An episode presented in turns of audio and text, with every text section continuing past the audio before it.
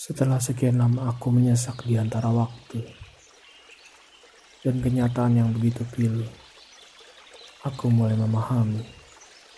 Terkadang, segala perihal dan kemungkinan adalah jawaban atas apa yang akan ada nantinya. Dan aku harus tahu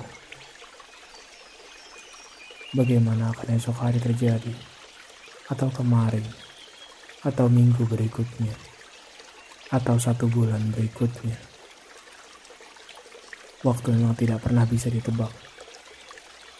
Sama dengan kau, yang malam ini tak pernah datang, padahal aku sering memintamu untuk hadir.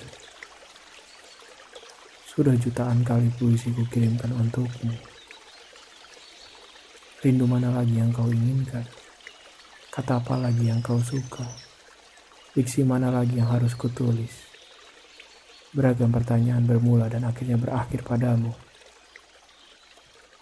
Mungkin saja aku adalah penggalan kata amin yang tak pernah kau ucapkan.